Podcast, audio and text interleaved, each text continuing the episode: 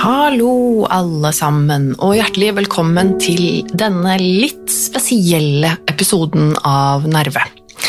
For eh, i dag skal du få høre et eh, intervju eh, som jeg nevnte i forrige episode av Nerve. Eh, så har jeg nylig gjort et eh, intervju på Zoom med en eh, ganske hyggelig fyr. Jeg ble kontaktet for en liten tid tilbake av en psykologiprofessor som heter Roald Øyen. Han jobber eh, ved Universitetet i eh, Tromsø. Jeg sa Trondheim forrige gang, tror jeg, eh, og det er feil, så jeg beklager det. Det skal være Tromsø. Og han ville gjerne ha et par ord med meg angående min oppvekst og det med personlighetsproblematikk og sånne ting. Eh, Som jeg selvfølgelig sa ja til. Det var veldig spennende, veldig hyggelig prat. Eh, Du skal nå få høre den, eh, den praten vi hadde over Zoom. Lydkvaliteten er helt ok, men den eh, starter litt brått, og den slutter litt brått. Men jeg syns likevel vi har, eh, går innom et par eh, veldig interessante temaer i, i samtalen der. Så tusen takk til Roald som tok dette intervjuet med meg, og som lot meg bruke dette i min egen podkast. Håper du finner noe interessant her. Det var jo en vanske. Absolutt. Minst én. Minst en, ja. Eh, Nei, for min eh, Jeg har eh, opplevd egentlig hele Hele min oppvekst og hele mitt, eh, mitt voksne liv òg har alltid liksom slitt litt med psyken. Jeg har alltid hatt det vanskelig med meg selv og med folk. Eh, liksom. eh, og så har det egentlig først vært i voksen alder jeg eh, faktisk fikk diagnosen, eller diagnosene mine.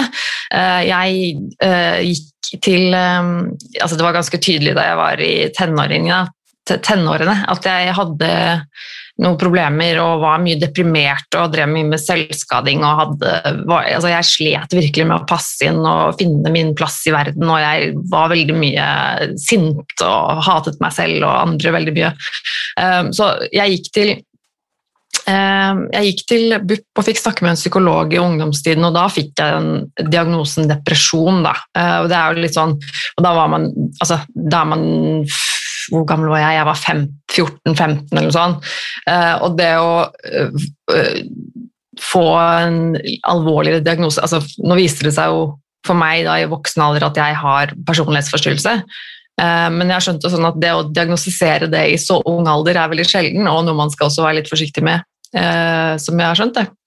For det er jo noe med at Når man er i tenårene og ungdomsårene, så er det jo veldig mye som skjer, og det er veldig mye som kan endre seg på kort tid osv. Uh, men uansett, så jeg gikk jo stort sett med det her eh, eh, alle mine problemer for meg selv. Og først da jeg ble 27-28 eller noe sånt, da eh, ble altså alt så vanskelig at jeg skjønte at ok, men nå, dette går ikke, nå må jeg faktisk ha hjelp med å eh, leve. liksom. Nå trenger jeg hjelp. Eh, Og da jeg begynte å gå, eh, da kom jeg eh, til offentlig psykolog gjennom fastlegen min. Og så da jeg begynte å gå, med dit, gå dit, så fikk jeg en psykolog som var veldig ålreit. Og han Det tar jo en periode man begynner hvor man går gjennom en litt sånn kartlegging og kanskje spørre spør om diverse ting og sånn, og så fikk jeg den diagnosen personlighetsforstyrrelse. Og da begynte jo ting å liksom falle litt på plass. For dette var helt, helt, helt ukjent for meg helt til da, bare for noen få år siden. Eh, og jeg visste jo fra før at jeg har slitt med depresjon hele livet, jeg har slitt mye med angst, jeg har slitt veldig mye med, med, med meg selv. Egentlig veldig mye Ja. forskjellig. Men det, når jeg fikk den diagnosen av personlighetsforstyrrelse, så var det litt sånn Å ja, ok, nå skjønner jeg. Eh, selvfølgelig er det kjipt å få en sånn diagnose, det er jo ganske stigmatiserende ofte, men likevel så var det noe med at jeg satte meg inn i hva det handlet om, så var jo det veldig oppklarende for meg på mange måter. Eh, at liksom Ok, det er faktisk, det er faktisk noe med meg som gjør at jeg opplever verden på den måten. Og det, det er jo noe eh, litt sånn trøstende i det. på en måte, at det, det, er, altså, det ble litt sittende med at er jeg gæren? Er det noe galt med meg? Hva er det som er galt med meg? Jeg klarer ikke livet. Hvorfor får ikke jeg det til? Hvorfor er det så lett for alle andre? Uh, alle andre bare liksom, klarer å gå på skole og får seg venner og har sånn kjæreste og kommer overens med familien og er liksom glad. Mens jeg klarer det ikke. Jeg klarer ikke å like meg selv, jeg klarer ikke å like livet. Alle vennene mine blir på et tidspunkt borte eller de blir slemme med meg, eller jeg skjønner ikke hvorfor jeg ikke klarer altså Jeg takler det ikke.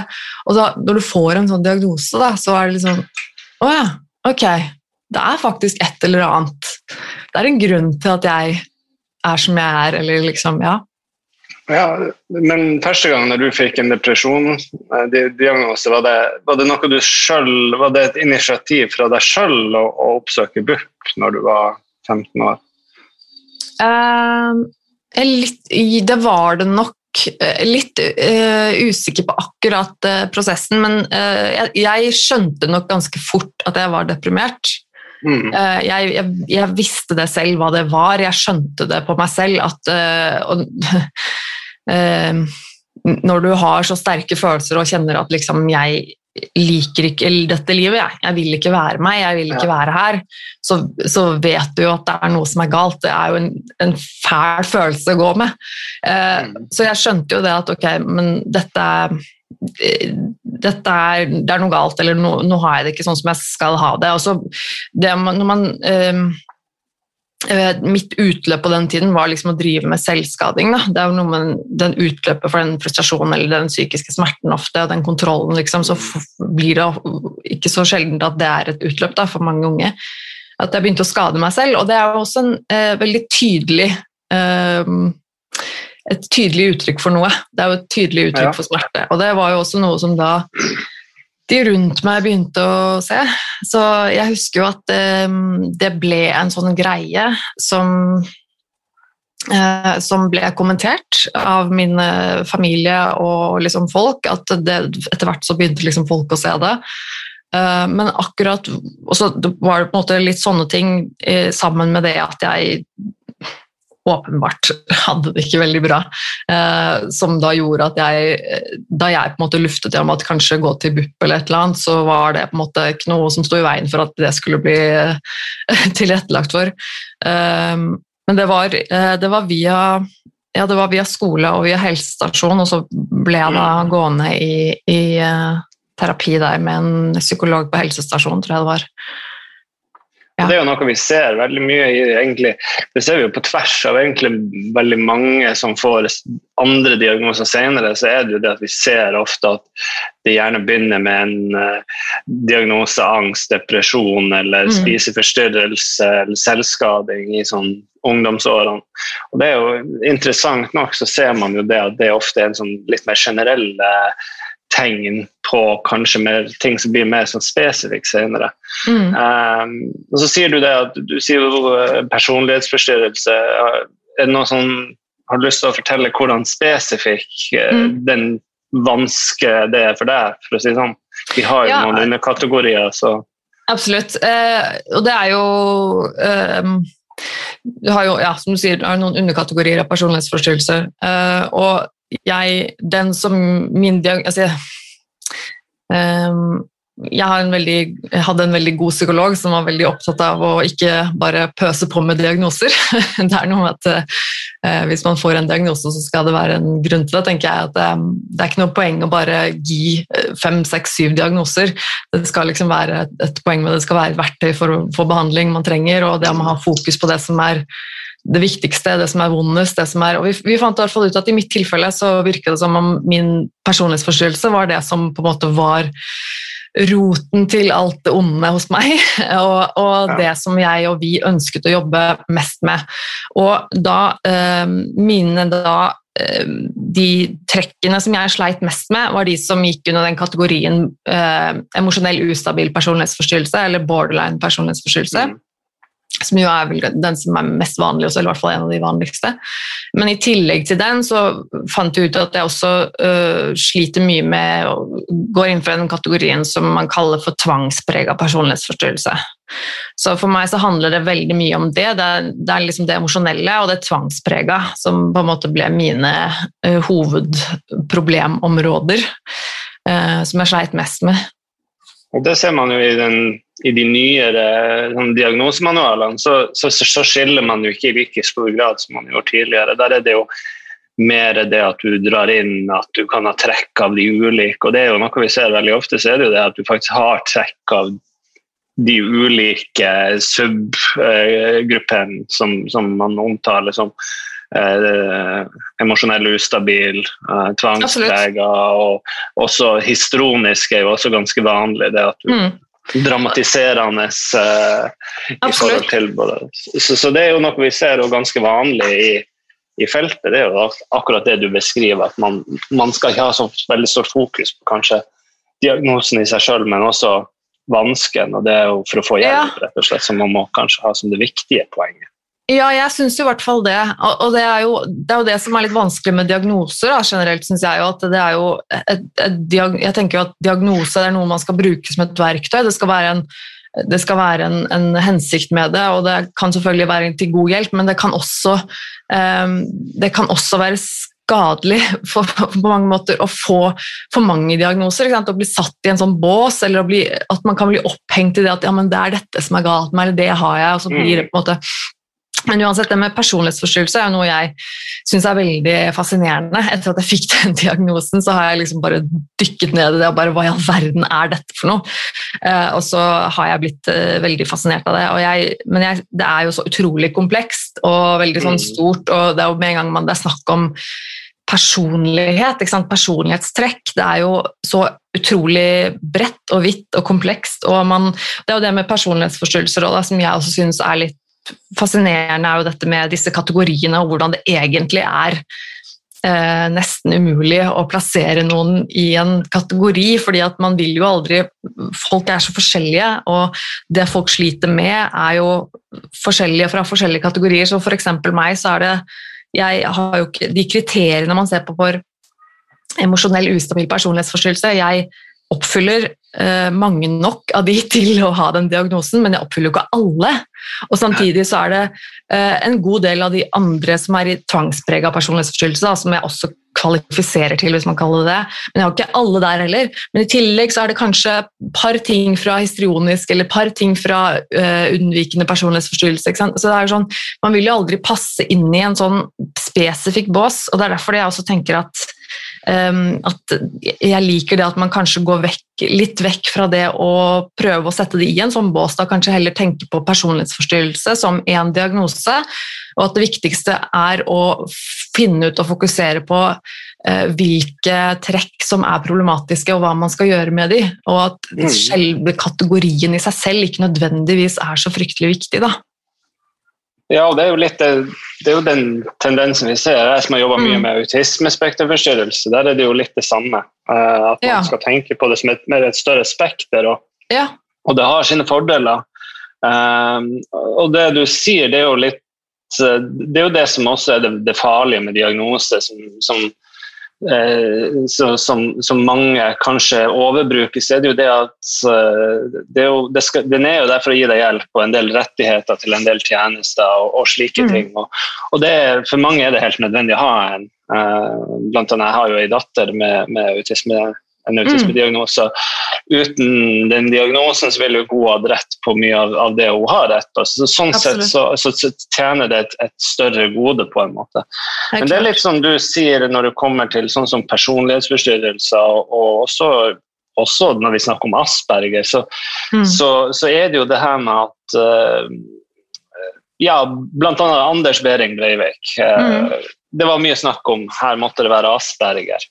Um, når vi tenker på personlighetsforstyrrelse, eller ofte når personlighetsforstyrrelse løftes fram, så, så løftes det fram på en måte gjerne i og da vil jeg vel kanskje ikke si forskningsmiljøene, men kanskje mer i sånn populær eh, media, så, så, er det jo noe som ofte assosieres til noe negativt.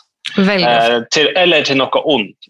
Mm. Eh, psykopat, eh, Jeg vil nesten si at eh, som regel blir det det. Ja, ja i de aller fleste tilfellene. Mm. Det synes jeg jo er en, det er en måte det blir på den diagnosen mister på en måte sin hensikt, mm. uh, som er ment av de som faktisk setter den, til at det blir en, eh, en, et alle, allemannsord som på en måte er lada på en veldig negativ måte, gjerne, gjerne også med, med uh, ser man jo, tenker man personlighetsforstyrrelse. Det er mange som vil tenke mennesker som er onde, og det er jo riv ruskende feil.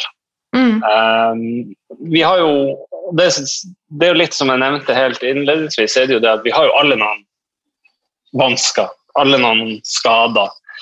Eh, vi har alle opplevd noe som er med å forme oss sånn som eh, til dem vi er i dag. Eh, på godt og vondt. Mm. Uh, hva er din erfaring rundt akkurat det med Du sa jo det der med å få den diagnosen, hvordan det føltes, at det virka skremmende. Mm. Har du opplevd mye negativt sånn rent uh, i forhold til det at man vil kanskje tro at hvis man er kunnskapsløs eller har hørt noe eller lest noe om at mennesker med emosjonell ustabil personlighetsforstyrrelse er ond, vanskelig, mm. uten Jeg kjente ja, veldig. For det, det, var noe jeg eh, merka og kjente på veldig da jeg fikk den diagnosen. og Spesielt den borderline-diagnosen er så innmari sånn der og det, og det, eneste jeg hadde hørt om eller visste om da, var liksom at det var sagt at da var det så manipulerende og da var det så dramatisk, og at du elsket å liksom gjøre masse drama og såre folk, og at du var veldig sånn slu og, eh, og, og sånne ting som er veldig, veldig negativt. og jeg kjente veldig på det jeg fikk en diagnosen at jeg bare Oi, dette må jeg ikke si til noen, dette er fryktelig hemmelig. Å, herregud, så utrolig stigmatisert. Og jeg følte meg veldig um, det føltes vondt i den forstand, fordi det, det, var liksom sånn Å, oh shit! Nei, dette er dette, Det ble veldig sånn skamfullt uh, og veldig sånn Ja, og jeg, jeg merka det også Eh, dessverre, det har jeg snakket litt om i podkasten tidligere, min opplevelse av hvordan jeg eh, For jeg har vært innlagt noen ganger. Jeg har vært innlagt eh, på akuttpsykiatrisk flere ganger. Og så har jeg vært innlagt eh, i en type åpen avdeling eh, psykiatrisk, hvor det er en, altså en, lengre innleggelsesopphold som er mer planlagt. Eh, men spesielt oppdaga jeg det ofte da jeg var innlagt på akuttpsykiatrisk så opplevde jeg forholdsvis ofte det at jeg følte at her blir du litt Altså, det er vanskelig å altså, hmm, Hvordan skal jeg forklare det? Um, at jeg ble sett ned på at det var en eller annen holdning der som det, det er liksom den ovenfra-ned-holdningen, den der med at du ikke kanskje blir tatt på alvor. Eh, at folk tenker at ja, du bare overdriver, eller at folk tenker at men du er ikke her fordi det egentlig er noe feil, du er her fordi at du skal bare ha oppmerksomhet, eller fordi at du skal bare uh, late som det er så fryktelig synd på deg, eller et, altså sånn den holdningen der da, som, som, bagatelliserte veldig min psykiske smerte, og, og, bagatelliserte veldig det at jeg trengte hjelp. Og det var en sånn veldig sånn ja, men 'Dette her gjør du mot deg sjøl, dette gjør du med vilje'. Uh, dette, og, og, veldig den der, følte meg veldig ja, stigmatisert, men også var det en veldig sånn respektløshet. Og noen av eh, Det var jo til og med veldig sånn Jeg må understreke at de aller fleste eh, helsearbeiderne jeg kom i kontakt med, var veldig, veldig flinke og snille. Men det var noen av dem jeg oppdaget eh, at det var eh, litt ubehagelig stemning. At det ble litt sånn f.eks. et fellesareale på kvelden hvor det er to, eh, to ansatte helsearbeidere som sitter og jobber. Da, og så prøver jeg på en måte kanskje å snakke litt med dem, og så var det en av dem som Nå husker jeg ikke akkurat hva han sa for noe, men han kom med en eller annen kommentar som jeg oppfattet som litt sånn spesiell, og så bare valgte han å gå. Uh, og så var det i den situasjonen så satt, husker jeg veldig godt jeg satt i den følelsen av at bare Nå gikk han fordi at han han tenkte at jeg var bare en sånn Eh, ja, histrionisk, uh, hysterisk kjerring som satt her, som egentlig ikke trengte å være her, men som de måtte bruke tid på fordi at jeg ville ha oppmerksomhet på et eller annet vis. Og det er en veldig, veldig vond følelse å ha. Og så er det jo, som, som du sa, altså, det er, det er, en veldig sånn kompleks greie, og veldig mange som ikke vet hva det er. Og ikke minst det med at de gangene man hører snakk om personlighetsforstyrrelser, så er det ofte i media i en eller annen form, hvor det er snakk om en, en psykopat eller en, en, person, en morder, eller som du eh, sa, Anders Behring Breivik ble også snakket om han, at han kanskje eh, hadde en narsissistisk personlighetsforstyrrelse og dyssosial personlighetsforstyrrelse. ikke sant? Og det var sånn personlighetsforstyrrelse! Mm. Morderen, den store, slemme ulven som altså, drepte masse mennesker og er manipulerende. og ikke sant?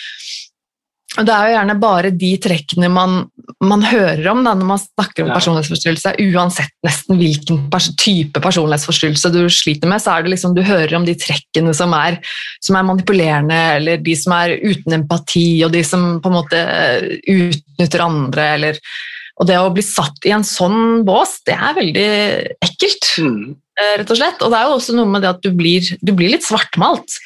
Fordi uansett, i hvert fall Jeg er veldig opptatt av det i mitt liv. I, min, i alt jeg driver med, er dette med å se mennesket som en helhet. Og det med å, Selv om man har en diagnose, så betyr ikke det at du er det mennesket. Altså, jeg har veldig mye sider av meg som ikke har noe med min personlighetsforstyrrelse å gjøre. Og jeg tenker alltid at mm. uansett hva du har gjort, så er det viktig å skille hendelse og menneske, og det er viktig å vite at alle mennesker har både gode og dårlige sider. Da. Ja, der kommer det jo litt til den at Men man kan jo egentlig altså, Mye av den måten som man ser personlighetsforstyrrelse på, beskrevet gjerne i VG på lørdager eller i Dagbladet på lørdager eller ulike sånn populær, populærvitenskapelige artikler, så, så, ser vi det på en måte på en må, Veldig ofte beskrevet som som en tilstand der du er både manipulerende, du har ikke den samvittigheten, og du, kan være emosjonelt ustabil, dramatiserende. og Sånne ting. Men hvis man trekker, litt sånn, trekker seg litt bort ifra det og ser det på en litt annen måte, så er det jo i mange tilfeller det stikk motsatte som faktisk er tilfellet. Mm. Det er ikke mangel på uh, følelser for andre. Det er ikke mangel på eh, empati. Det er rett og slett reguleringa av de følelsene som er utvikla på en skeiv måte. Man må prøve å se altså, Du har mennesker som du legger vekt på, som er veldig viktig. fordi at som menneske så altså, Diagnosen er ikke den du er. Det er en, gjerne noe som kanskje følger deg og er en del av deg som en vanske som, som man har fått for å få hjelp. Mm. Uh, men når vi snakker om personlighetsforstyrrelse, så er det jo altså Min oppfatning av det eh, sånn rent faglig sett, er jo det at veldig ofte, og det ser vi jo på en del tall, så ser vi jo en del barn som har opplevd uh, vans vansker i barndommen, altså det vi kaller for negative barndomsopplevelser. Og, mm. og, vi ser jo at det er en veldig stor andel barn som har hatt uh, både omsorgssvikt og også opplevd traumer i barndommen som går videre til å få en personlighetsforstyrrelse senere. Noen mm. mener at man kan se de barna allerede nede i åtte-tiårsalderen, at, uh, at det kan være tegn til eh, Men vi diagnostiserer dem jo sjelden før etter 20 år. Mm. Um, men det er jo, hvis vi ser litt på den sånn som emosjonell ustabil, så er det jo i mange tilfeller en vanske med å håndtere de følelsene man har. Mm. Ikke for å være ond, men fordi at man har kanskje kommet seg inn i et mønster, eller man har med seg noe fra tidligere av som er en mm. måte mm. å agere når følelsene blir for sterke. Eh, og det er noe ganske annet enn å være ond. Ja, absolutt. Um, og det, det, jeg tenker der, er jo sånn personlig sett, så, så vil det jo på en måte være synd om det er det er synd at man ser på mennesker som har personlighetsforstyrrelser som kanskje manipulerende eller eh, til og med ond. Mm. Eh, erfaringsmessig og, og, rent sånn eh, faglig sett så er det jo veldig mye godt i mange mennesker.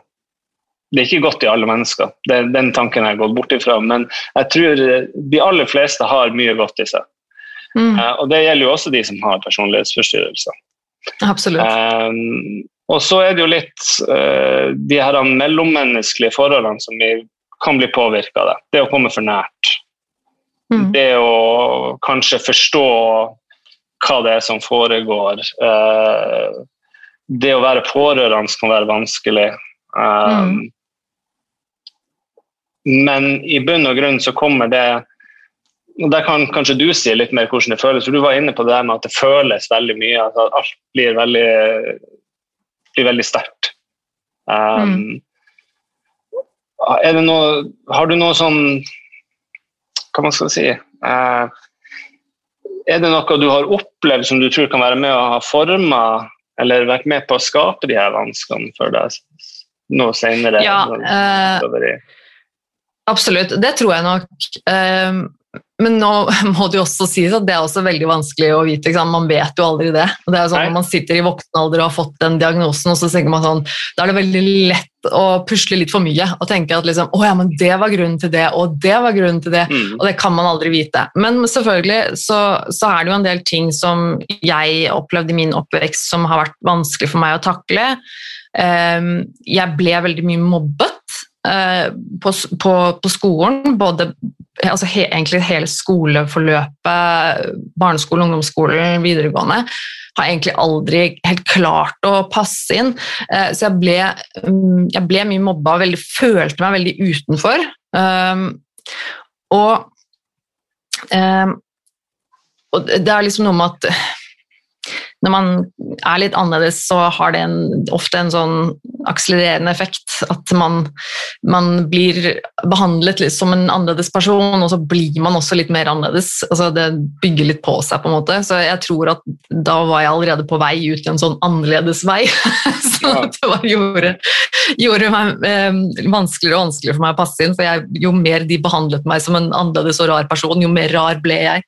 Eh, nesten som en sånn opposisjon. Det ble sånn, jeg skal faen ikke være en av dere. Det blir litt sånn. Men, um, men jeg hadde jeg, ja, det har sånn tenkt så mye på. Jeg, ja, jeg, jeg, ble mye mobba på skolen og sånn. Jeg syntes det var vanskelig å um, Dette med venner og, og, hvordan det fungerte, hvorfor noen var venn og ikke. Og så syntes jeg det var vanskelig litt sånn hjemme, for jeg, hadde, jeg har ikke noe spesielt nært forhold til familien min, og jeg har hatt eh, litt eh, turbulent forhold til min egen mor og til en bror og litt sånne ting som har vært ganske ugreit, uten at jeg vil gå veldig sånn nær inn på det, for da blir det veldig personlig liksom, for mm. enkeltpersoner. Men um, og, og, og, enkeltstående opplevelser også som jeg har hatt, uh, som har vært ekstremt traumatiske for min del, som også nok har vært en slags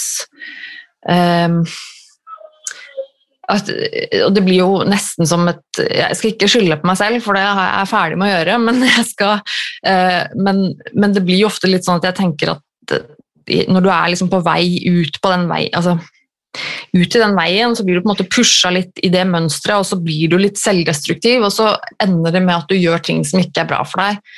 Um, men for meg så handlet det jeg, jeg ser til, jeg, Hvis jeg ser liksom, sitter her nå, etterpåklok som jeg er, og ser tilbake på meg selv eh, i oppvekst og barndom, og sånn, så tenker jeg at eh, det må jo ha vært helt tydelig at jeg hadde personlighetsforstyrrelse. Jeg tenker sånn Herregud, det kan jo ikke ha vært vanskelig å diagnostisere det, egentlig, hvis, hvis noen hadde sett på meg. Jeg tenker, For jeg hadde jo helt tydelig et veldig, veldig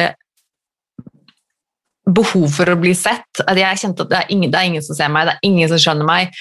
Og det er, det er, nærmest den følelsen av at det er en slags glassvegg mellom meg og resten av, av, menneskene, resten av verden. At jeg klarer ikke å kommunisere det jeg mener og føler og tenker. Og, og jeg skjønner ikke hva folk prøver å si til meg, eller det folk kommuniserer til meg. Det er den den oppfatningen, den tolkningen av verden, den tolkningen av hva andre mennesker mener, hva intensjonen er, og det blir ofte helt vridd gjennom den glassveggen, for at jeg ser ting på en helt annen måte enn det mennesker mener, kanskje, og har en tendens til å tolke ting i verste mening mot meg selv. Da.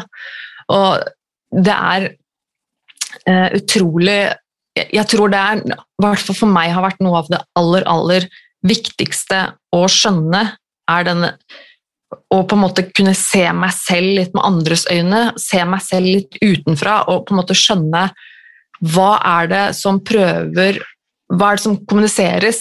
Hva er det vedkommende prøver å gjøre eller tenke? Hva er det som skjer i det vedkommende? Du sitter her sammen, en situasjon sammen med en venn, og så føler du plutselig at, at den vennen er ute etter deg. Altså, plutselig blir en venn slem.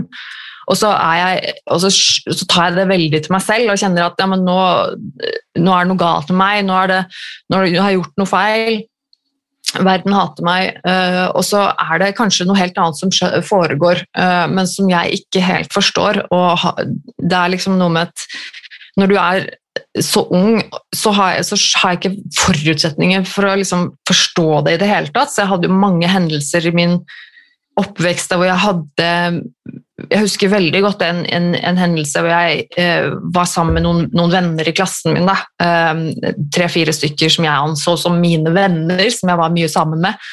Eh, og så dro vi hjem til dem, dette var på sommeren. Vi satt ute på en gressplen i nærheten av der hvor de bodde. og så uh, husker jeg ikke, ingenting av hva vi snakket om, eller hva som skjedde, men jeg husker bare at plutselig så var de veldig slemme mot meg. Plutselig så hadde alle sammen snudd seg mot meg og, og, og rett og slett liksom jaget meg hjem. Da. Jeg ble veldig lei meg og, og løp liksom hjemover, og de kom etter meg og uh, sykla, meg, sykla på meg med syklene sine. Hentet, altså, det var sånn skikkelig sånn jeg, jeg, husker det som at jeg ble jaget hjem, og det var veldig sånn uh, for meg så var det en opplevelse av at nå skjønner jeg virkelig ingenting hva er, ikke, hva er det jeg ikke, skjønner? For disse her, menneskene her, de var jo vennene mine.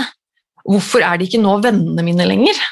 Plutselig så har de bare ikke, ikke vennene mine lenger. Og jeg vet fortsatt ikke hvorfor det ble sånn, men jeg vet at det er en gjennomgående greie da, i, min, i, min, oppvekst hvor jeg da eh, tolker ting helt annerledes enn det som kanskje er eh, sannheten. Eh, og en annen vei så har jeg også det du nevnte med at dytte folk unna har jeg også hatt en veldig tendens til å gjøre.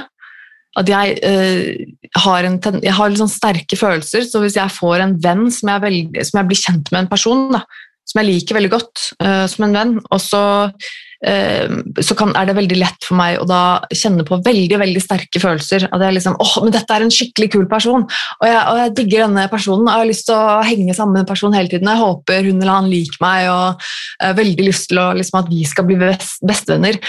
Um, og så kan det være et eller annet som uh, vedkommende sier eller gjør, eller noe som jeg ikke liker, eller som jeg tolker som negativt, og da kan det plutselig for meg bli sånn at nei, men da kan vi faktisk ikke være venner. Da går det faktisk ikke. Da må vi bare ikke, da må jeg kutte ut kontakten, og dette orker jeg ikke, for jeg orker ikke å forholde meg til vedkommende i det hele tatt. Og da blir det plutselig bare Så det er denne med Det er svart-hvitten. Ofte veldig, ofte veldig eh, snakket om med borderline og sånn, at man er veldig sånn enten-eller. At det er enten 100% eller ingenting. Og det kan jeg nok også veldig kjenne meg igjen i. Og det at liksom det åpnet veldig Det hjalp meg veldig mye når jeg begynte å øve meg på liksom å tenke nyanser. på en måte. Ja. Det må liksom tenke at ja, men ok, så kanskje vedkommende var veldig Kanskje det var veldig dumt å gjøre eller dumt å si av vedkommende. Kanskje det var en slem ting å gjøre eller si, men det vil kanskje ikke bety at vedkommende ikke liker meg for det. Det kan jo hende at vedkommende mente noe annet enn det jeg tolker. Altså, noe med at liksom man må på en måte aktivt ta tak i sin egen tenkemåte og følelser. og liksom, hva, Vent nå, hva er det som skjer inni meg nå? Hvorfor Ikke, ikke svartmal nå vedkommende helt. Ta et skritt tilbake, tenk litt ok, hva er det som skjer nå? Ta, ta liksom et syn på dette, hele situasjonen utenfra. Og det er utrolig vanskelig når du sitter i veldig veldig sterke følelser. og eh, Det kommer helt an på liksom hva slags situasjon og hva det er snakk om, men det er eh, faktisk helt umulig enkelte ganger hvor man opplever noe som utrolig sårt, at noen har såret deg eller veld, veldig veldig slem, og det kommer mange mange, mange følelser som er kjempesterke på en gang. Uh, som du ikke kan noe for. Det vet vi jo på en måte alle. Du kan ikke bare skru av følelsene dine. Du kan ikke bare si at oh, nei, jeg gidder ikke å være sur akkurat nå. Det, det, det funker jo ikke sånn. ikke sant? Du har disse følelsene som plutselig kommer, og så vet du ikke helt hvordan du skal kanskje ta tak i dem. Du vet ikke helt hva det, hva det er for noe, eller hvorfor de kommer. og så blir det et sinne, kanskje, og så blir du plutselig veldig sint. Da. 'Nei, jeg orker ikke noe mer av deg, jeg vil ikke ha noe mer med deg å gjøre'. Uh, og så Nei, det er um, ja, nei, ja. Da er du jo litt inne på den måten å håndtere ting som vi ofte ser mer liksom umoden på en måte. Altså, det er ja. litt den der vi ser som hos barn, som er litt sånn splitting, som det heter. da på. Ja. Det er jo på en måte en beskyttelsesmekanisme også for å beskytte seg sjøl. Eh, som, som, man kanskje har eh, altså, Det er mange som har nevnt at man på en måte kanskje på visse områder innenfor det emosjonelle er blitt på en måte litt hekta fast i en tid i løpet av utviklinga som gjør at man Eh, man bruker en del strategier for å beskytte seg sjøl. Mm. Eh, og så har du det her med det du nevner med den svart-hvitt-tenkinga, som, som, som, er ganske sånn prototypisk for, mm. uh, for, for personlighetsforstyrrelser, spesielt emosjonell ustabil. Men, mm. men det var en gang en professor i personlighetspsykologi som også sa til meg det at det her er jo Nå snakker vi litt om, som du sier, det her med relasjoner, at det blir, eh, kan bli veldig sånn uh, intenst og veldig sånn at du har, det her skal bli det beste vennskapet eller beste forhold, mm. du er den beste kjæresten, eller mm. uh, hva som helst i hele verden. Um, som kan skifte ganske fort til det mm. motsatte, eller veldig små ting kan, kan kan påvirke det. Og, og eh, det var en, en, professor i personlighetspsykologi som sa det at eh, Som sa faktisk det at det, det å eh, ha en venn, nær venn, eller det å ha en kjæreste med en personlighetsforstyrrelse, eh, kan være ufattelig og bra. Mm. Eh, hvis du bare er god til å psykoedukere deg sjøl, altså lære deg sjøl opp hvordan du skal håndtere det. Um, men også det å, det å, vite hva det er som foregår, og vite litt uh, når, når, du skal trekke deg tilbake, og når du skal regulere deg i forhold til den personen. Mm. Så, så, jeg vil jo liksom fremheve det at det er faktisk ganske mange innenfor feltet som sier det stikk motsatte av det vi leser i VG og Dagbladet om personlighetsforstyrrelser, som faktisk også ser de her veldig sterke sidene som man kan ha, eh, som ikke nødvendigvis går på altså Alle mennesker har sterke og svake sider, men så er det jo noe ved det her, sånn som du sier, det er veldig intense som kan eh, som kan, jo kan være en veldig god ting. Det kan jo være noe som bidrar til dype relasjoner. Absolutt. Uh, og det er jo noe jeg også merker, veldig, merker med meg selv, at uh, det veldig negative det er, jo også noe som blir opp, gjort opp med i det veldig positive. ikke sant? Fordi at uh, jeg også har evnen til å på en måte da være veldig involvert i mennesker og veldig lojal og veldig mye kjærlighet og veldig mye, mye å gi. og Det er jo noe jeg merker på meg selv i forhold til min samboer, f.eks. At jeg ønsker jo å være verdens beste kjæreste. Jeg, jeg, vil jo bare absolutt bare gi alt for at han skal ha det bra og like meg, og for at ting skal være bra. og liksom, Jeg har jo veldig veldig, veldig intenst mye med gode følelser også, så det går jo mm. begge veier, eh, heldigvis. da. Men det er jo noe med at totalen i det blir kanskje litt mye til tider. Og veldig slitsomt å leve med. Eller veldig gøy. Altså, det, det, er jo, det, er jo, en kjensel jeg har snakka med før de her forelesningene, som, og, som jeg liksom begynte å lage og ta tak i. Så jeg har snakka med ganske mange psykologer eh, innenfor personlighet og utviklingspsykologi som, som, eh, som, også fremhever det her med at uh, den intense delen er ofte veldig gøy. Mm. Er, det er jo på en måte nesten som at du, du får altså det, det, blir drug of choice. Mm. Uh, og Derfor er jo også kanskje den, det du forklarer som den, den, delen der du finner noe som kanskje gjør at du vrir knappen, at uh, den svart-hvitt-tenkinga der kanskje blir for mange også vanskelig å forstå. for det er jo ikke alltid at man Uh, som det forklares, er det jo ikke alltid at den andre personen helt forstår hva det er som faktisk foregår. Uh, og vet ikke om du, hvordan du sjøl har opplevd det. Er det noe du ofte har merka at de andre ikke forstår, eller har du vært flink til å gi uttrykk for hva det er som på en måte har gjort at at du har gått ifra den det her, nå skal vi bli verdens beste venner, til vi kan ikke være venner? Har du vært god til å kommunisere grunnlag eller din på en måte reasoning for, for å komme til den konklusjonen? Altså, jeg, jeg vet ikke. Jeg trodde, jeg trodde jo selv at jeg var det på en måte. Jeg har jo eh, egentlig nesten alltid tenkt på meg selv som en veldig sånn åpen person og som kommuniserer alt og sier alt hele tiden av hvordan jeg har det, og hva jeg tenker og hva jeg føler og gjør og sånn. Eh, så jeg har jo så, så, det var jo på en måte veldig sånn, veldig sånn dissonans for meg å, da få beskjed om på en måte at at folk ikke skjønte meg eller ikke klarte å tolke uttrykke meg ordentlig. fordi at For meg var det jo så åpenbart hele tiden hva jeg følte eller trengte eller tenkte og sa. Og liksom, for at jeg sa jo det hele tiden. Eh, men så, så jeg, vet rett og slett ikke. Jeg tenker jo selv ja, at, jeg vært, at jeg er veldig sånn god til å kommunisere det, men, men jeg tenker jo at det har noe med forståelsen tilbake å gjøre også. At jeg nok ikke hadde den evnen til å se meg selv eh, utenfra og tenke at ja, men hvorfor føler du det? Hvorfor syns du at dette var så fælt? Hvorfor gjorde det så vondt når vedkommende sa sånn eller gjorde sånn? Eller hva er det som får deg til å tenke at vedkommende mener det der med den handlingen? Og der, du er litt inne på det med dialektisk terapi og hvor mye av, av det, de her psykoedukasjon og det som egentlig vi vet er det som fungerer best for nettopp ja. personlighetsforstyrrelser. Ja, for jeg tror er jeg tror nok at det er det som gjorde det så vanskelig for meg. At, for, for jeg satt jo der som sagt, da, og tenkte at ja, men jeg sier jo helt tydelig hva som er galt. Jeg sier jo helt tydelig hva jeg føler, og at jeg er sint og såra, og at det der var dårlig gjort. Og så tenker jeg ikke lenger enn det. på en måte. Jeg sier jo det så klart, men, men, nå er det jo noe med at vedkommende på andre enden må også forstå hvorfor jeg føler det. Mm. Og hva, egentlig, hva, som gjorde at jeg følte det, og så klarer jeg ikke helt å kommunisere det eller skjønne det, og så klarer jeg ikke helt å skjønne det selv. Men hva var det som gjorde at du følte deg så, så, så lei deg nå, eller så sint?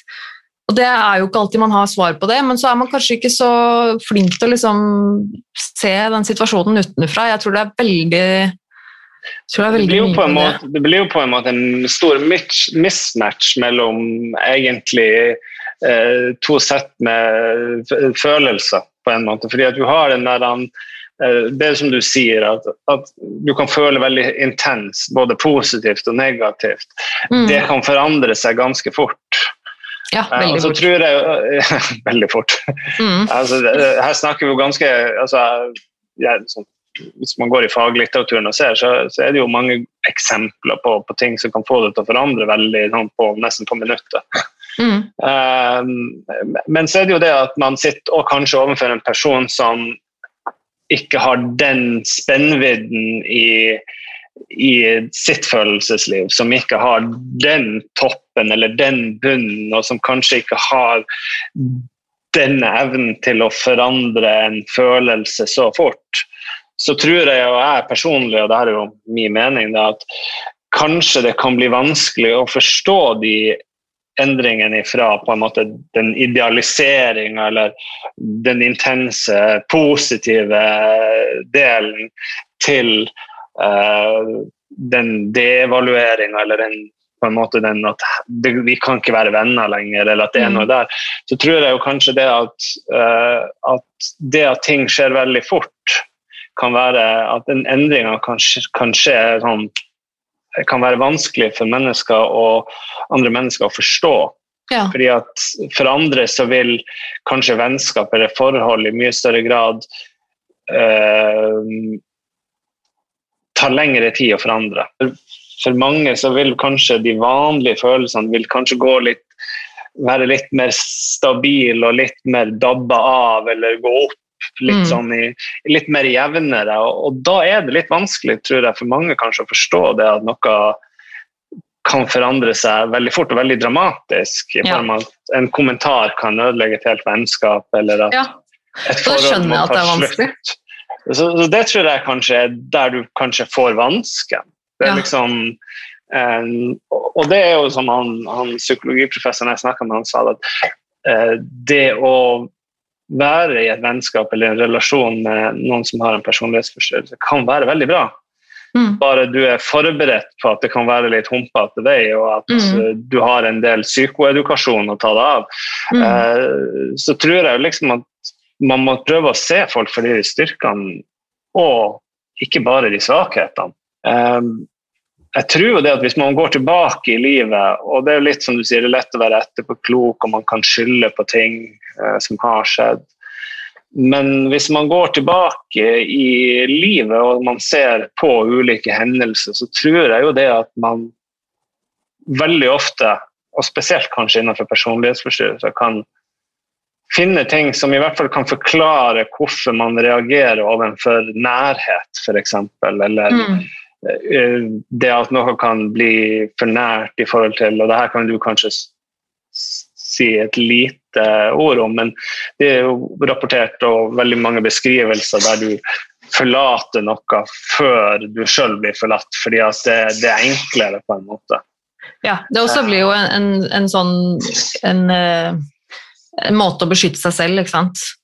Ja. At jeg, jeg, jeg, vil heller gjøre det slutt med deg før du gjør det, for da er det, da er det jeg som har kontrollen, da er det jeg som bestemmer. Da vet jeg allerede hva som skjer, da kan jeg kontrollere følelsene og kontrollere det som skjer. Uh, og da, da, sparer jeg meg selv for den overraskelsen eller den, den, vonde følelsen som jeg er sikker på at kommer fordi jeg vet at du mm. kommer til å gjøre det, så derfor så gjør jeg det først. Så da sparer jeg meg selv den. Men det er jo ikke sånn at det er nødvendigvis krever en personlighetsforstyrrelse. For. Det som du sier, at det her med, eh, det her med at du trenger ikke å oppfylle alt. Eh, og du trenger ikke å ha trekk av personlighetsforstyrrelser for å gjøre ting som ofte er linka til det heller. Mm. Eh, for det er jo på en måte også litt som du nevnte i sted, sånn, vi snakker om beskyttelse. Det er, jo, det er jo en måte å beskytte seg sjøl på. Føler du sjøl at du regulerer deg sjøl mye i forhold til det å ikke bli såra, eller at folk ikke skal komme for nært på deg. Eller, for du er jo veldig åpen om det. Så, så, så du er jo veldig åpen om eh, deg sjøl.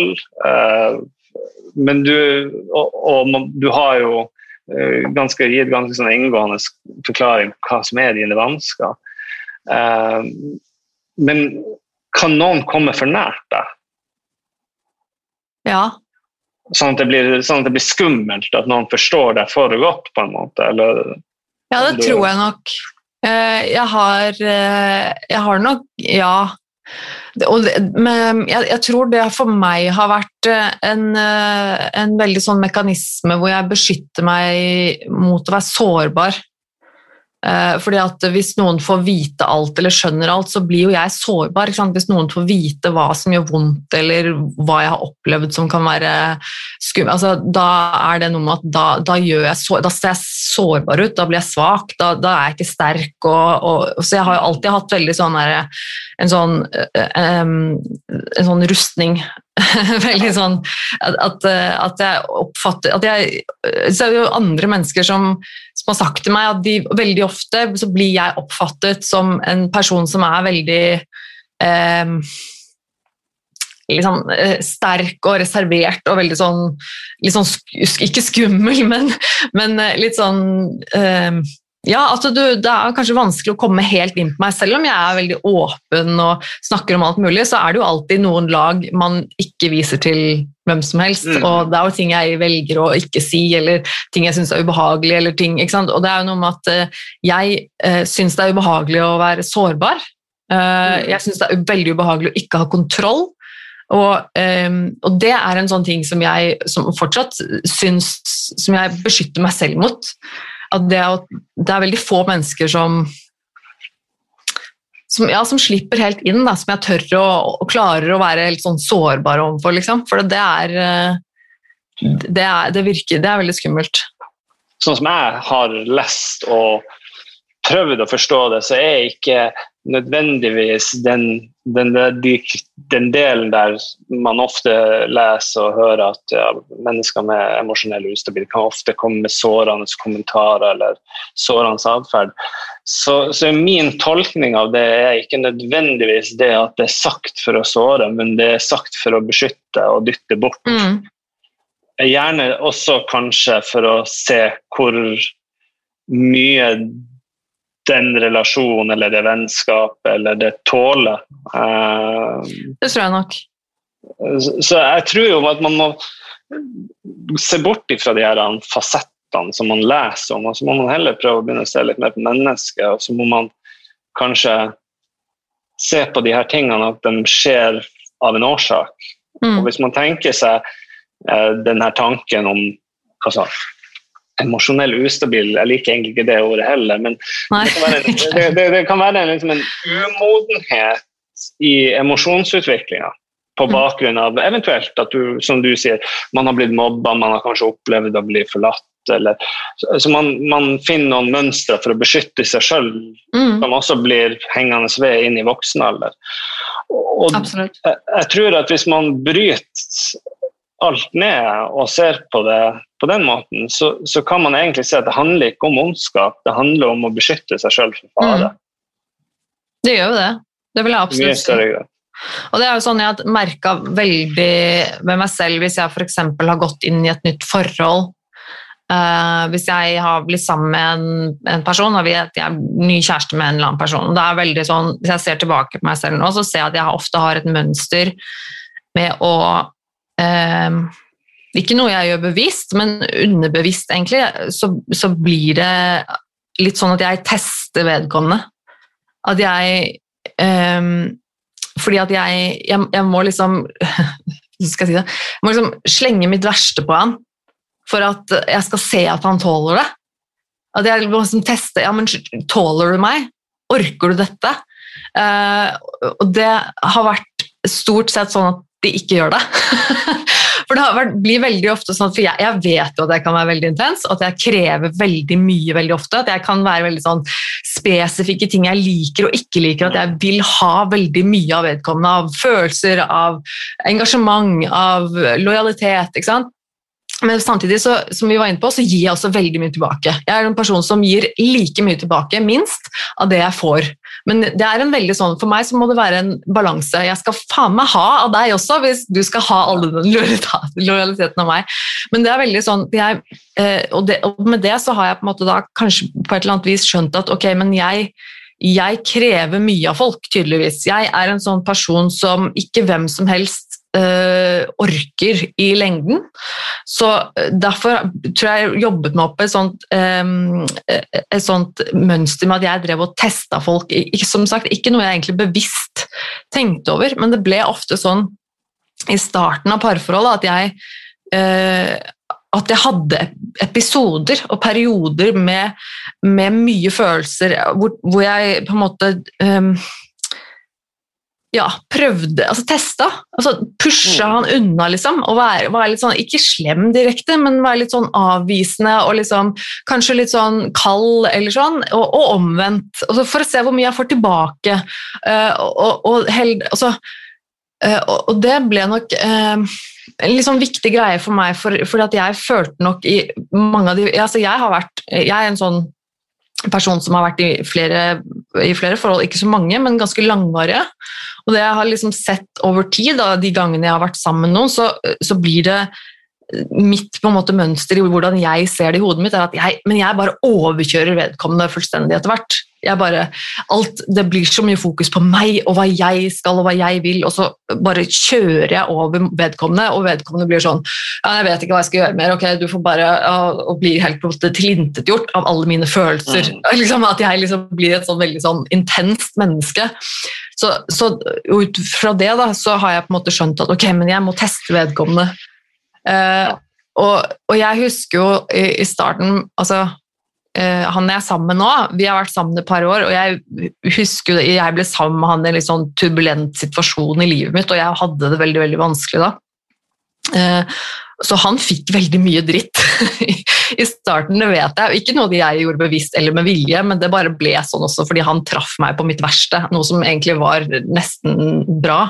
Fordi at da nå vet jeg at han tåler det. Jeg, sånn, ja. jeg, vet at Uansett hva jeg forteller han, hva jeg føler, hva jeg tenker, så vet jeg at han tåler det. Det har vært noe av det aller, aller viktigste for meg vet jeg, som, som person. At jeg, jeg, trenger noen rundt meg som, som ser meg, og som skjønner, at, liksom, um, som skjønner litt hvordan jeg funker. Som skjønner liksom, hvordan følelsene mine funker, men som tåler det. Og som da tenker at ikke den kanskje tar seg så nær av det hvis jeg plutselig blir litt sånn snappy fordi at jeg var veldig stressa og hadde veldig mye angst, så kan jeg fort bli litt sånn bitchy. At liksom, Nei, ikke, ikke, gjør sånn, nei, drit i det. eller et eller annet, ikke sant? Eh, fordi at jeg er veldig stressa eller veldig bitchy. Mm. Og så vet jeg at ja, da, da, trenger jeg vedkommende at vedkommende skjønner at ok, hun er stressa, uh, dette går bra, liksom. Uh, tåler det, kan ta det uten å ta det personlig, uten å ta det til seg. For det har vært veldig vondt for meg tidligere at jeg, jeg vet at jeg blir stressa. Jeg har mye følelser og, og har mye angst og, og, får litt panikk for ting. Og så blir jeg veldig kontrollerende, og så strammer jeg veldig hardt rundt folk og situasjoner, og så blir jeg helt ut, et forferdelig menneske å være sammen med. Og da er det veldig ofte at uh, kanskje et andre menneske som er sammen med meg, det blir helt sånn Å, jeg klarer ikke dette, jeg orker ikke, dette tåler jeg ikke, jeg klarer ikke å bære det. Eh, det som du sier, at du gir minst like mye som du tar uh, og, og, det er jo uh, Det er jo ofte en av grunnene til at uh, altså hvis man, hvis man ser litt i leser litt om det her med relasjoner og personlighetsforstyrrelser, så er det jo ganske mange som blir veldig på en måte enchanted eller da, betatt. Og, og, sånn fordi at man får så mye som man kanskje aldri har mm. fått før. Mm. Uh, og det er jo kjempepositivt. Uh, og så er det mange som ikke forstår den der flippen. Uh, du snakker om Der det kan være noe, og, og perioder der du kanskje um, har det vanskeligere. Um, og der kanskje ting blir for nært. Sånn at det er som du sier, at det at han kommer inn der du er på ditt verste, var kanskje det beste. fordi at altså, Det er jo en kunnskap om han på en måte fikk med en gang. Da, mm. Han fikk en kunnskap om, om, en del ting, hvordan du fungerte. Mm. Eh, og da er det vel kanskje eh, på en måte, Det er jo en psykoedukasjon i seg sjøl. Mm. Eh, som blir litt annerledes enn hvis du går inn i noe som kommer snikende. Mm. Uh, der du kanskje ikke forstår i det hele tatt uh, hva det er som foregår. For, for, veldig mange, nå sier ikke jeg at dette gjelder men for mange så er det jo en litt sånn sirkulær ting som, der du går inn i den der å, uh, det her er det beste som har skjedd meg noensinne, til det stikk motsatte. og så begynner man på nytt igjen. Mm. Og så blir man gående sånn gjennom et voksenliv. Mm. Uh, og, det ikke, og, det er jo litt av det som også er problemet, at det i seg sjøl er ikke nødvendigvis nok, eh, nok, til at et menneske oppsøker hjelp. Mm. Fordi Du kan jo fungere godt på andre områder i livet, men, men, men, ha den der der. og Det er jo kanskje en av de tingene som er tristest, fordi at det er så få som har de her vanskene som faktisk søker hjelp for dem. Ja, jeg tenker at uh, Men det er jo også noe man ser vel i, i uh, psykiatrien og psykologien, at, at, det er jo enkelte typer man, man ser veldig sjelden i behandling. Mm. Altså Mennesker som man kanskje tenker at har en narsissistisk personlighetsforstyrrelse, f.eks., vil jo veldig sjelden oppsøke hjelp for det. Ja. Eh, så, og det, jeg tenker jo at det sikkert, helt sikkert har en sammenheng også med at man da ofte ser mennesker som har emosjonelt ustabil i, i behandlings... Fordi at det er mennesker som har mye følelser, og de er ofte vanskelig å mm. takle, og det er ofte mennesker rundt dem som reagerer på dem. og Det blir en veldig sånn synlig og veldig sånn aktiv greie som skjer, som er på en måte destruktiv. Da. Og da er det jo lett at man havner i et behandlingsforløp på et eller annet vis. Eh, også det med at depresjon og angst og de type tingene der er veldig ofte tett knyttet til folk som lider med mm. emosjonell ustabil også. Eh, I hvert fall som jeg har skjønt det. Og så er det viktig å påpeke at det er veldig mange som har, også, som har opplevd ting i livet som påfører, det, påfører skade i personligheten som mm ikke vil nå noe sånn nivå for diagno diagnostisk eh, kan man kalle det threshold, eh, altså nivå for at du skal få en diagnose, men som kanskje sitter på veldig mange av de tingene som vi nå snakker om, mm. som egentlig omhandler det her med vansker med nære relasjoner. Det her med det her med å internalisere ting, altså depresjon og angst. Vi ser også mange som har vansker med det her med sosiale relasjoner. Eh, mm.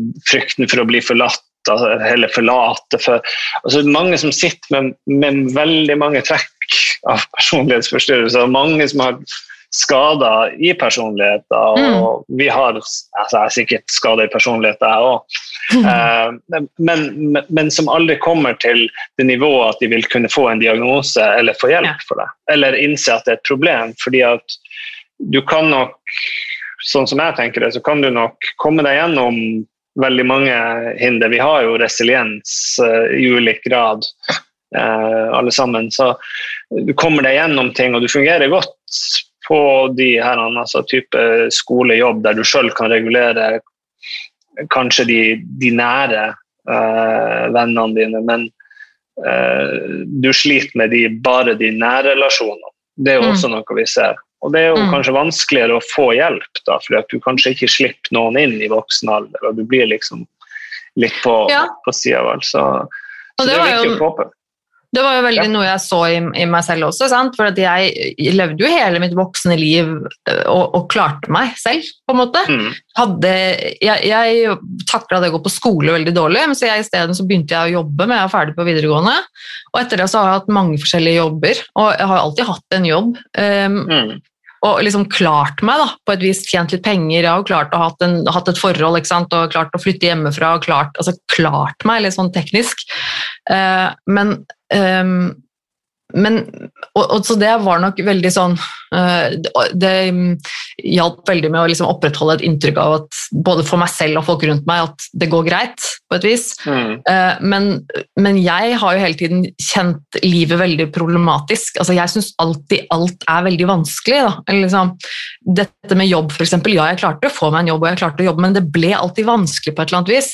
Jeg klarte alltid å sabotere det for meg selv, eller det, på et eller annet vis, et eller annet med det ble så vanskelig at jeg taklet det dårlig etter hvert, sammen med liksom parforhold eller venneforhold. Eller, så det var alltid så ble det en sånn, en sånn sirkel da, som, som, gikk igjen hele tiden med at mm. jeg klarer liksom å skaffe det, men så går det liksom feil etter hvert. på et eller annet vis. Det er et eller annet med det som jeg ikke takler i lengden. Uh, så, um, så, jeg tror nok at jeg har jo snakket med Jeg har en venninne som jeg har hatt eh, ganske nær venninne som jeg har kjent i mange mange år. Og det er litt artig, for Vi hadde en, en uh, samtale om akkurat dette her, om hvordan hun har oppfattet meg mens hun har kjent meg, og litt sånne ting. Som er veldig interessant for meg å høre i ettertid. Men hun også sa at hun, da hun fikk vite om min diagnose, så, skjønte, så var hun litt sånn Å ja, ja, ok. Ja, det høres riktig ut. For da var hun også sånn Hun kunne på en måte også sett, kjenne igjen en del ting med meg som har vært vanskelig for henne å forholde seg til opp igjennom. Og, um, så det er ganske sånn Ja, det, det blir uh, ja. Jeg har i hvert fall bitt meg fast i de kommentarene som jeg har hørt. at det, det den der at hvis, hvis man skal løpe hver gang man møter en med personlighetsforstyrrelse, så, så må, da er det ganske mange som må løpe. eh, og, og, og, det her med, å, evne å se de her, det, de, de, de gode og, og, de tingene som egentlig bare blir forsterka, eh, må jo være noe som jeg tror vil kunne Hvis man er åpen, sånn som du er om altså, det her er mine vansker. Det kan være veldig intenst, men det kan også være det motsatte. Og jeg tenker det at Hvis mennesker vet det når de på en måte blir kjent med en, um, så gjør det jo på en måte noe med det at du, du har en uh, du har en, på en måte at du vet litt forutsetningen for, for faktisk den relasjonen som man etablerer. At her er det nok uh, en relasjon jeg kan få om det er vennerelasjon eller kjæresterelasjon eller uh, hva som helst, så er det jo litt det at her er en relasjon som jeg kan få veldig mye positivt ut av. Det er jo det jeg tenker om uh, mennesker som har den personlighetsprofilen. Uh, mm. Men samtidig så er det kanskje også noe som krever at man har litt kunnskap om vanskene og, og hvordan man forholder seg til de her flippene mm. i, i, i, altså i, humør eller i hvordan man blir sett på. Uh, der tror jeg liksom det Jeg tror den man må gå bort ifra og prøve å få mer fokus på hva egentlig personlighetsforstyrrelse innebærer. Og at man får bort de der mytiske eh, overskriftene om at dette er personlighetsforstyrrelsene du må se, eh, du, du må se opp må Passe deg for. Mm. Ja, passe deg for. Den, den syns jeg blir tabloid. Jeg syns tankegangen rundt det at et menneske eh, man skal se, passe, passe, opp for mennesker. Det blir en ganske sånn enkel filosofi i mitt, mitt hode. Og, og det er litt det, altså det reduserer eh, Med en gang man inntar en sånn tankegang og måte å snakke om mennesker med personlighetsforstyrrelser på, så, eh, så tar du i veldig stor grad fra den personligheten. Mm. Eh, og gjør det til eh, Det er nesten som vi snakker om roboter som er onde. Og, liksom, altså, du, du, tar bort det menneskelige, syns jeg, i veldig mange av de måtene som eh, media har en tendens til å skrive om det her på, som jeg syns er veldig synd. fordi at uh, det er som du sier, du kan gå inn for å være verdens beste venn, og du gir mer enn du tar. Og, men så har du de tingene der som, som du snakker om, det er testing og sånne ting. Som, som er, men det er også sånn det blir, eh, altså, Det er litt, nå snakker vi på en måte om de spesifikke tingene, om spesifikke situasjoner. Ja. Og jeg synes det er så viktig at man, at, man, at man, kan se meg, at jeg er et menneske. At jeg er ikke en personlighetsforstyrrelse. Mm. ja, men dette er jo spesifikke tilfeller spesifikke situasjoner. Jeg er jo bare meg. Jeg er jo et mm. menneske utenom det, som tenker mye rart og som gjør mye rart, og som har masse, masse vanlige følelser og som har masse vanlige tanker. Og det er litt sånn, uh, det er jo det jeg syns er så trist. og jeg, jeg har jo uh, sett ting på, liksom i medier, på TV og lest ting på nettet hvor folk skriver om f.eks. at de har vært i et forhold med en som har uh, emosjonell ustabil personlighetsforstyrrelse. Og så eh, driver folk og diskuterer det og bare sier hvor fælt det er at nei, hun må ikke være sammen med sånne folk, og hun ødela livet mitt, og, sant, ditt og datt, eller et eller annet sånt. Og så, ah, så blir jeg veldig lei meg. Det er jo kjempesårende for meg. Jeg kjenner jo at jeg, det treffer meg veldig. For jeg, jeg, blir jo lei meg når jeg leser sånne ting. At folk liksom advarer andre mot sånne som meg. Det er veldig, det er veldig vondt. Og så, så, kjenner jeg at jeg blir litt sånn sint, for jeg blir litt sånn Ja, men det er ikke det er ikke sånn at en person er en sykdom eller en lidelse. Det er liksom ting noen sliter med. Ja, jeg har slitt, og jeg sliter med sånne ting, men du som du sier, du sliter med dine ting. Ja, det... Alle har sine ting. ikke sant? Og det å liksom på et sånt grunnlag si sånn altså Advare mot en person på grunnlag av en eller annen diagnose syns jeg er helt forferdelig. Og det er jo med på liksom det der å, å, å, stigmatisere folk og gjøre det at det faktisk er vanskelig for, for, meg og for andre som har en sånn type diagnose, at det faktisk være åpen om det. For jeg, jeg merker jo det fortsatt, at jeg er litt sånn jeg er jo redd for at folk skal bruke det mot meg. Sant? Så når jeg, når jeg, snakker med deg åpent om det, så er det andre folk som hører om det. og Jeg har vært åpen om det i podkasten min, og litt forskjellig, så, så, det er mange som vet om mine diagnoser. Og jeg, jeg syns jo at det er litt ubehagelig. For det er litt sånn, Jeg vil jo ikke at folk egentlig skal bruke det mot meg. Jeg vil jo ikke at folk skal egentlig tenke på det når de, når de snakker med meg eller blir kjent med meg, og de tilfeldigvis vet det, så har jo ikke jeg lyst til at folk skal tenke sånn Å ja, men hun har den diagnosen, ja. Er det derfor hun er hun litt sånn? Er hun litt sånn? Altså, jeg har ikke ikke lyst til at folk skal dømme meg på det. ikke sant? Det er det det går på. Og det er det man veldig ofte føler når man får en sånn type diagnose, og det snakkes veldig mye om det på den måten, så, bli, så blir man liksom forhåndsdømt. Og det, ja, og det jeg syns det er veldig vanskelig. Sånn, jeg tror det er litt sånn Det der er um, litt egentlig når vi snakker om alle former for uh, sånn uh, ja, diagnoser, sånne psykiatriske mm. lidelser og sånne ting. Så så, så, er det liksom det er et stigma knytta til, til, alle de her Det ser vi innenfor sånn autisme og ADHD. Og mm. Og tics. Og, mm. og, de beskrivelsene er jo ofte helt feil. De er mm. overdreven, og de TV-seriene er overdreven som omhandler det. Altså, TV-serier om mennesker med autisme er gjerne retta mot å, her har vi en lege som kan har en eller annen særegenskap. og vi har liksom, vi tenker På Tourette så, så, tenker vi ofte liksom, mennesker som bare roper oppskjønne ord og sånne ting. Mm. Um, ja, og, og, og, det er jo langt derifra. Mm. Altså, det er en veldig liten porsjon av de menneskene med de diagnosene som har de vanskene. Mm. Sånn at det er jo en, og det er jo der på en måte uh, Jeg vil si det at medisin krasjer med uh, altså um, menigmann og forståelsen av ja. diagnoser. For meg så er en diagnose det er noe, og det er spesielt personlighetsforstyrrelser og, og også autismespekterforstyrrelser som er litt lik på mange måter. fordi du mm. plukker bare mange, Det er bare mange symptomer som du plukker og så putter du opp i en sekk, og så ser du om du har så og så mange. og Hvis du har så og så mange, så faller du innenfor en, en kategori som har, beskriver hvordan type vansker du har. Mm. Eh, det som er litt eh, Og så har du på den andre sida så har du mennesker som er veldig mot de her diagnosene. Mm. Um, og jeg vil heller ikke der som, som fagperson, for man må se hva de tjener. Mm. Uh, selv om, om, det kanskje er altså stigmatiserende, så, så, skal de tjene noe. Men det at man gjør dem stigmatiserende, det, det er ikke medisin eller intensjon. Mm. Og det, det, det, er ofte der folk tar feil. Det er at mm. Intensjonen med en diagnose er, er, å hjelpe, det er å behandle. Mm. Eh, men så er det noen som på en måte altså Det er jo kunnskapsløshet, om man kan bruke det ordet, som gjør at vi får de her situasjonene der vi ser på mennesker ut ifra diagnoser og på, bruker diagnose til å forklare da må du være sånn. Ja. Og det er jo langt ifra sånn det er. Mm. Alle er jo forskjellige.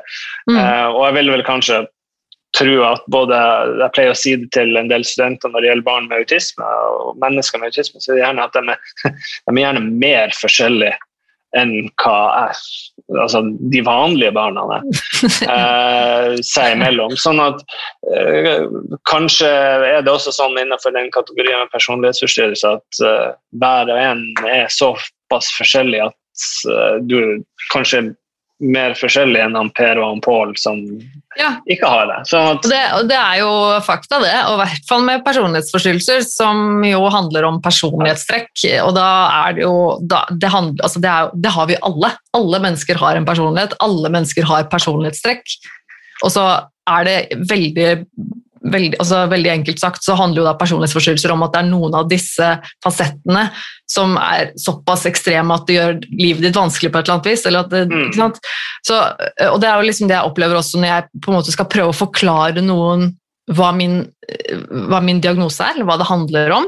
Uh, så er veldig folk veldig sånn Ja, men sånn er jo jeg òg. Har jeg også personlighetsforstyrrelse? Altså, jeg, men jeg er også sånn. Jeg tenker også sånn. Jeg har også, så, ja, ikke sant? For det, er personlighet det handler om. Ja. Men selv om du kjenner deg igjen i mange av disse kriteriene, eller hva det skal være, så betyr jo ikke det at du har en personlighetsforstyrrelse. Det er jo først at det blir en personlighetsforstyrrelse når det er selvfølgelig dette med vedvarende over lang tid og sånn, øh, men også, mm. også, det med at det, det, lager, det, skaper problemer for deg. Det gjør at du har vanskelig med å fungere i samfunnet og i deg selv og ha det bra. Ikke sant? Det er det som gjør hele den store forskjellen. Men det er jo det er jo Der har du ulike nivåer. Ja, ja, ja absolutt. Du har ulike nivåer. Du kan klare deg bra, og du har det her personlighetstrekkene. Det går bra med deg på jobb og skole og alt det der, men det, kanskje du har vansker med nære relasjoner. Mm. Så har du det at du kanskje begynner å slite med nære relasjoner. Altså, det, det, er så mange ulike fasetter her og former. Ja. Jeg tenker at det, det, du viser, det er jo noe som er utrolig tøft. Det er det at du snakker om det. Du klarer også å forklare hva som er dine vansker, men at det er ikke alle andre sine vansker. Ja. Mm. Uh, og, og, det tror jeg kanskje er det, liksom, det, viktigste man kan på en måte melde. Det er jo det at dine vansker er sånn som det her oppleves for deg. Det er noen sammenheng mellom altså hvordan kanskje følelsene dine føles veldig sterk, intens, mm. som du kanskje kan relatere til andre mennesker med personlighetsforstyrrelser. Men det er jo bare det, det eneste som er felles. Mm. Ja, for det er jo min personlighet er jo bare min. Det er jo ingen som har min ja, ja. personlighet. Og det, det, samme gjelder jo min personlighetsforstyrrelse ja. også. Det er ingen andre i verden som er forstyrret på akkurat samme måte som meg. så det, det, er jo litt uh, fascinerende. Men jeg tok jo og satte det litt på spissen i en av de episodene mine i, i Nerve, da, podkasten min. For da hadde jeg jo en episode hvor jeg tok utgangspunkt i at la oss si, la oss si at Anders Behring Breivik har narsissistisk personlighetsforstyrrelse. Uh, så, så tok jeg og lagde en episode hvor jeg sa at ok, i, i prinsippet da, så har jeg og Anders Behring Breibygg vi har samme diagnose. Men han og jeg kunne jo ikke vært mer forskjellige. Altså, jeg, jeg tror, altså, vi er på to helt forskjellige verdener av skalaen. ikke sant? Og, det, og Da gikk jeg også litt gjennom hva slags altså med, Gikk ut fra det at hvis det stemte, da, det kan jeg jo ikke vite sikkert, selvfølgelig, men, men bare den tankegangen da, om at liksom gå gjennom de tingene som, som, er med meg, som gjør at dette kalles en forstyrrelse for meg, og for eventuelt hadde vært en forstyrrelse for han, og hva som er forskjellen. og Da ser du jo ganske tydelig at ok, det her er en verden, altså. Det er ekstreme forskjeller. Og det samme ser vi jo. ikke sant? Det der er jo en gjentagende innenfor eh, både personlighetsforstyrrelse, men også innenfor Asperger. altså Hver mm. gang det er en skoleskyting i USA, ja. eller noe sånt, så, så, lanseres det gjerne teorier om, om, om, Asperger, eh, personlighetsforstyrrelse, altså psykopati eller sosiopati. da, mm. altså Det her med å være psykopat. Men altså, det er ikke sånn. Og der er det jo veldig viktig å og faktisk si at ja, det, det, kan godt være at Anders Behring Breivik har både Jeg har ikke noe kjennskap til hans uh, helse, Nei. men uh, han kan ha sikkert alle de her tingene uten at jeg vet det. Men mm. uh, som sjefen min sa, ja. en person med min mentor, en av verdens fremste forskere på autisme, eh, han sa det at, eh, til meg en gang at ja, en person med asperger kan gjøre grusomme ting. Men det er ikke det at han er asperger som gjør at han gjør grusomme ting. Mm. Og det tror jeg er, liksom, er litt gjennomgående også for, for, for, for personlighetsforstyrrelse. fordi at nå tenker man jo også narsissistisk og det her med eh, altså, de ulike at man ofte løfter dem frem når vi har noen sånn tragedie. Da tenker jeg at Det kan godt stemme, men det er kanskje ikke nødvendigvis derfor, mm. uh, derfor man gjør det. Uh, mm. Og det, det, det, er liksom noe som jeg, Personlig så begynner jeg å bli ganske lei innenfor autismeområdet hver gang jeg blir spurt om det. Tror du Vladimir Putin eller uh, tror du Anders Behring Breivik har Asperger? Mm. Altså, det, det, det, kan ikke jeg svare på. Det kan godt være, men det er ikke derfor han, de handlingene skjedde. Og, altså, vi må få drive folkeopplysning på en måte som er hensiktsmessig, der, der ja, det er en diagnose. Den fordrer at du har noen vansker innenfor noen ulike områder. Ferdig. Mm. Eh, og så er det dine handlinger eh, mm. som kan påvirkes av, av, de vanskene du har. Men vi kan ikke la det bli sånn at vi skylder på alt for det. Det, det syns jeg blir feil. Mm. Eh, det, det, er tross alt mennesker. Og det, mm. det, er vel, det er jo det som det koker ned til.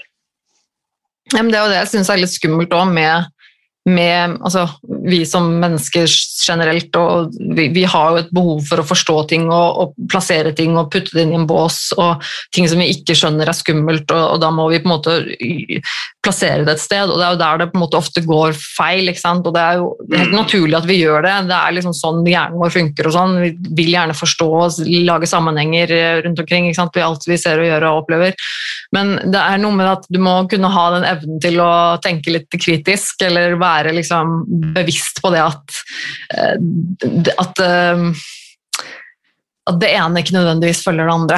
At Det er ikke noe sånn at eh, det er ikke noe automatikk i det at hvis du har den og den lidelsen, så betyr det at du er den og den type menneske. Det er jo liksom noe med at, som du sier, at en, en, med asperger skulle gjøre en eller annen grusom handling. Det er sånn, ja vel, men det kan jo hvem som helst gjøre. Altså, Ja da. Det er noe med at, men jeg tror det er veldig lett for folk å kanskje ikke, ikke utfordre de tankene, eller ikke på en måte tenke lenger, eller bare på en måte akseptere den båsen, eller eh, er altså forenkle ting, da, for- forenkle ting for å forstå det, på en måte. Ja, nettopp det. Du, du, ofte trenger du kanskje en Du må på en måte som menneske ha en grunn til å Eller forstå om det er en grunn til at noen kan være ond. Mm. Eh, og da er vi inne på det med ånd og, ånd og god. Og, og jeg tror det blir veldig sånn, veldig sånn banale forklaringer og tillegg det sånn utelukkende til diagnoser. Det syns jeg ingenting om. Så, Men det er jo men, eh, Det er jo litt sånn Det er jo på en måte litt sånn gjennomgående det jeg også merker, både med det å eh, det å, liksom Den prosessen jeg har gått gjennom da, med, å, med behandling og det å bli bedre og sånn, det er jo eh, noe vi mennesker på en måte alltid eh, må gjøre for å bli bedre eller for å endre oss, er jo den å liksom endre noe. Det å ta aktivt tak i en tanke eller en handling eller en vane eller en rutine for å endre noe. Det krever en jobb, da. det krever en innsats av deg.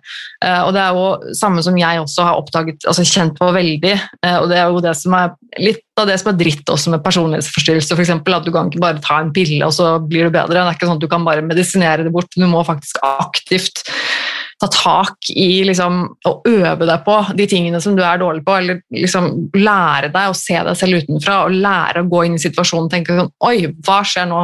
Ta tak i den følelsen og faktisk Og det er en sånn, det er en så veldig, det krever en så veldig sånn aktiv del av hjernen din liksom, Mm. gjøre det, eh, og spesielt der og da. og det det er, det er slitsomt. Det er vanskelig og slitsomt. Og mennesker liker jo ikke ting som er vanskelig og slitsomt. Naturlig nok så liker vi jo ikke det. Så det er jo veldig mye enklere for oss å bare akseptere det som er enkelt og det som er behagelig. Det er jo så gjennomgående i hele menneskelig psykologien. Men uansett så er det jo veldig relevant også når det gjelder psykiske lidelser, og det kjenner jeg veldig på når det gjelder både min egen prosess da, med å bli frisk eller bli bedre, men også det av hvordan andre aksepterer meg eller situasjonen. At du må kanskje ta tak, aktivt ta tak i en fordom, eller aktivt ta tak i liksom den, den eh, båsen du setter folk i. eh, den tankegangen der. Da. Um, jeg tror det på en måte har gitt meg en veldig evne til å Jeg har nok blitt veldig mye flinkere til det. da, Å liksom se um, andre menneskers vinkler, eller se meg selv utenfra. og Se liksom en hel situasjon og se helheten i ting på en helt annen måte enn det jeg gjorde før. For meg så har nok det vært helt elementært i å bli såpass frisk som det er nå, at du kunne på en måte ta tak i det. Men det er jo en sånn det er det som er så dritt med det, er at det virkelig krever en sånn aktiv innsats som er veldig slitsom og vanskelig. Det må liksom aktivt liksom endre på noe som, er, eh, som føles naturlig. og For meg er det helt naturlig å reagere på den og den måten på en sånn og sånn ting, og så må jeg på en måte aktivt ta tak i det og tenke at nei, hva er det du Slutt! Altså, hva skjer? Altså, endre på det. Gjør det annerledes neste gang. Og det er jo forferdelig slitsomt. Og, men der tror jeg jo liksom at den, den rollen som jeg sitter på, som skal liksom lære de her studentene i hverdagen min, så skal jeg lære dem hva de ulike tingene er. Mm.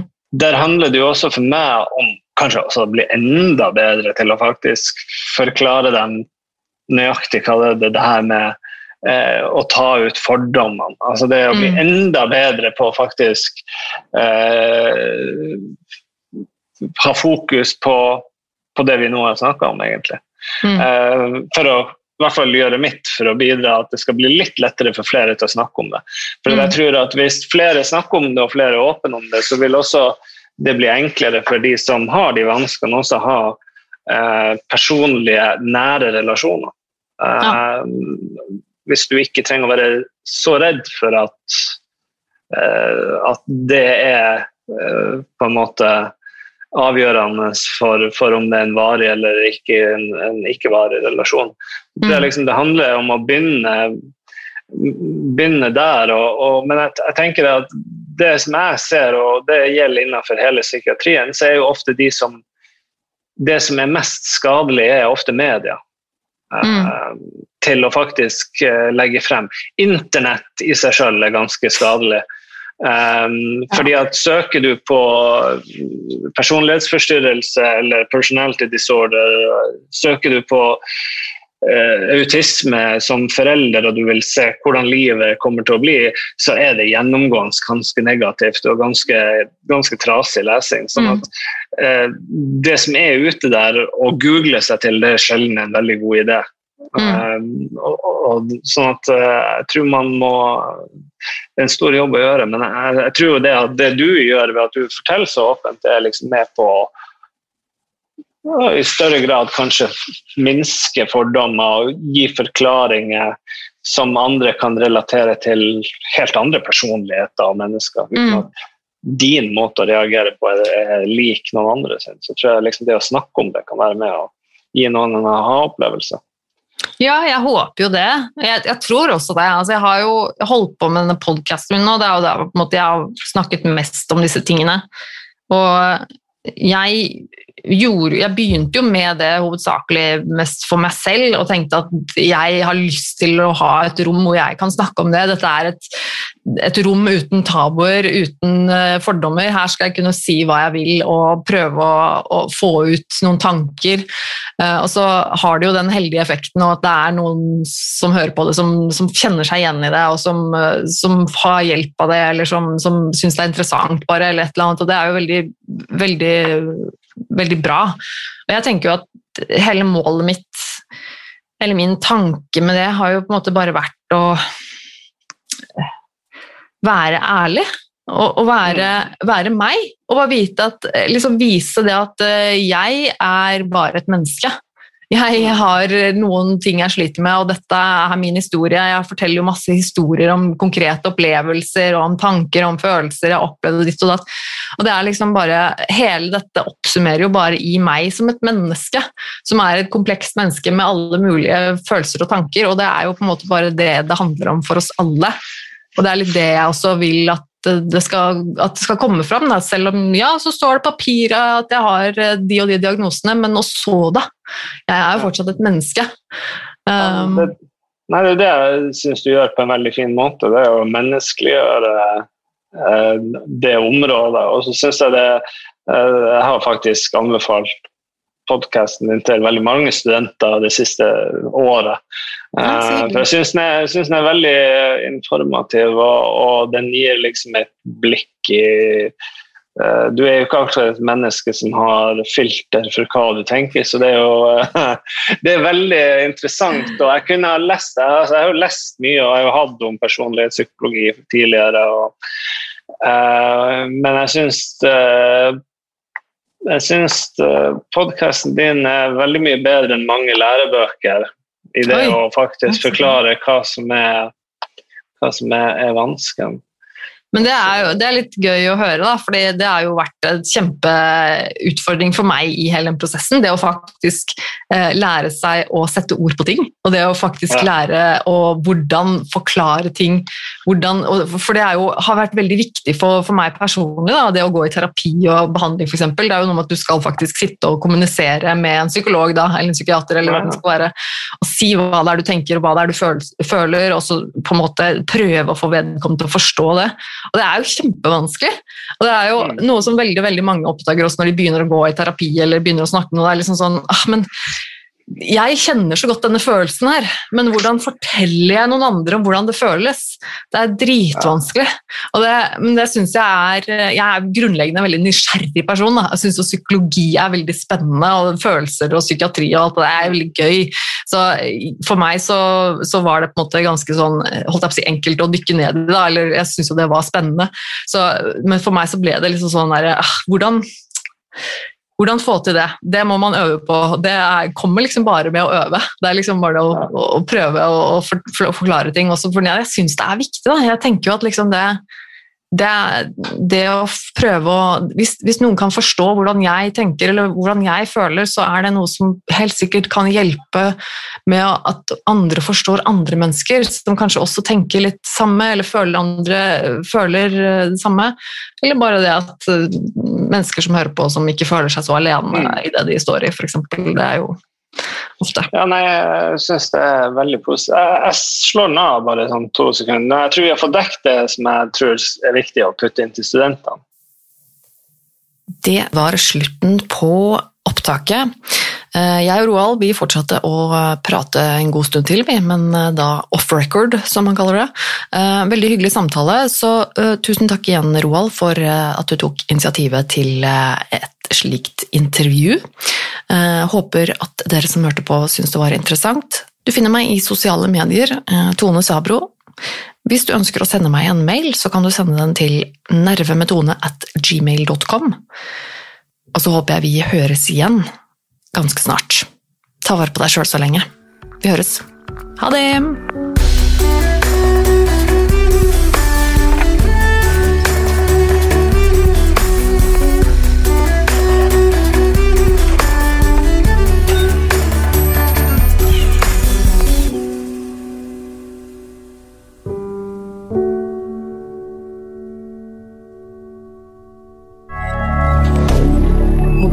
Media.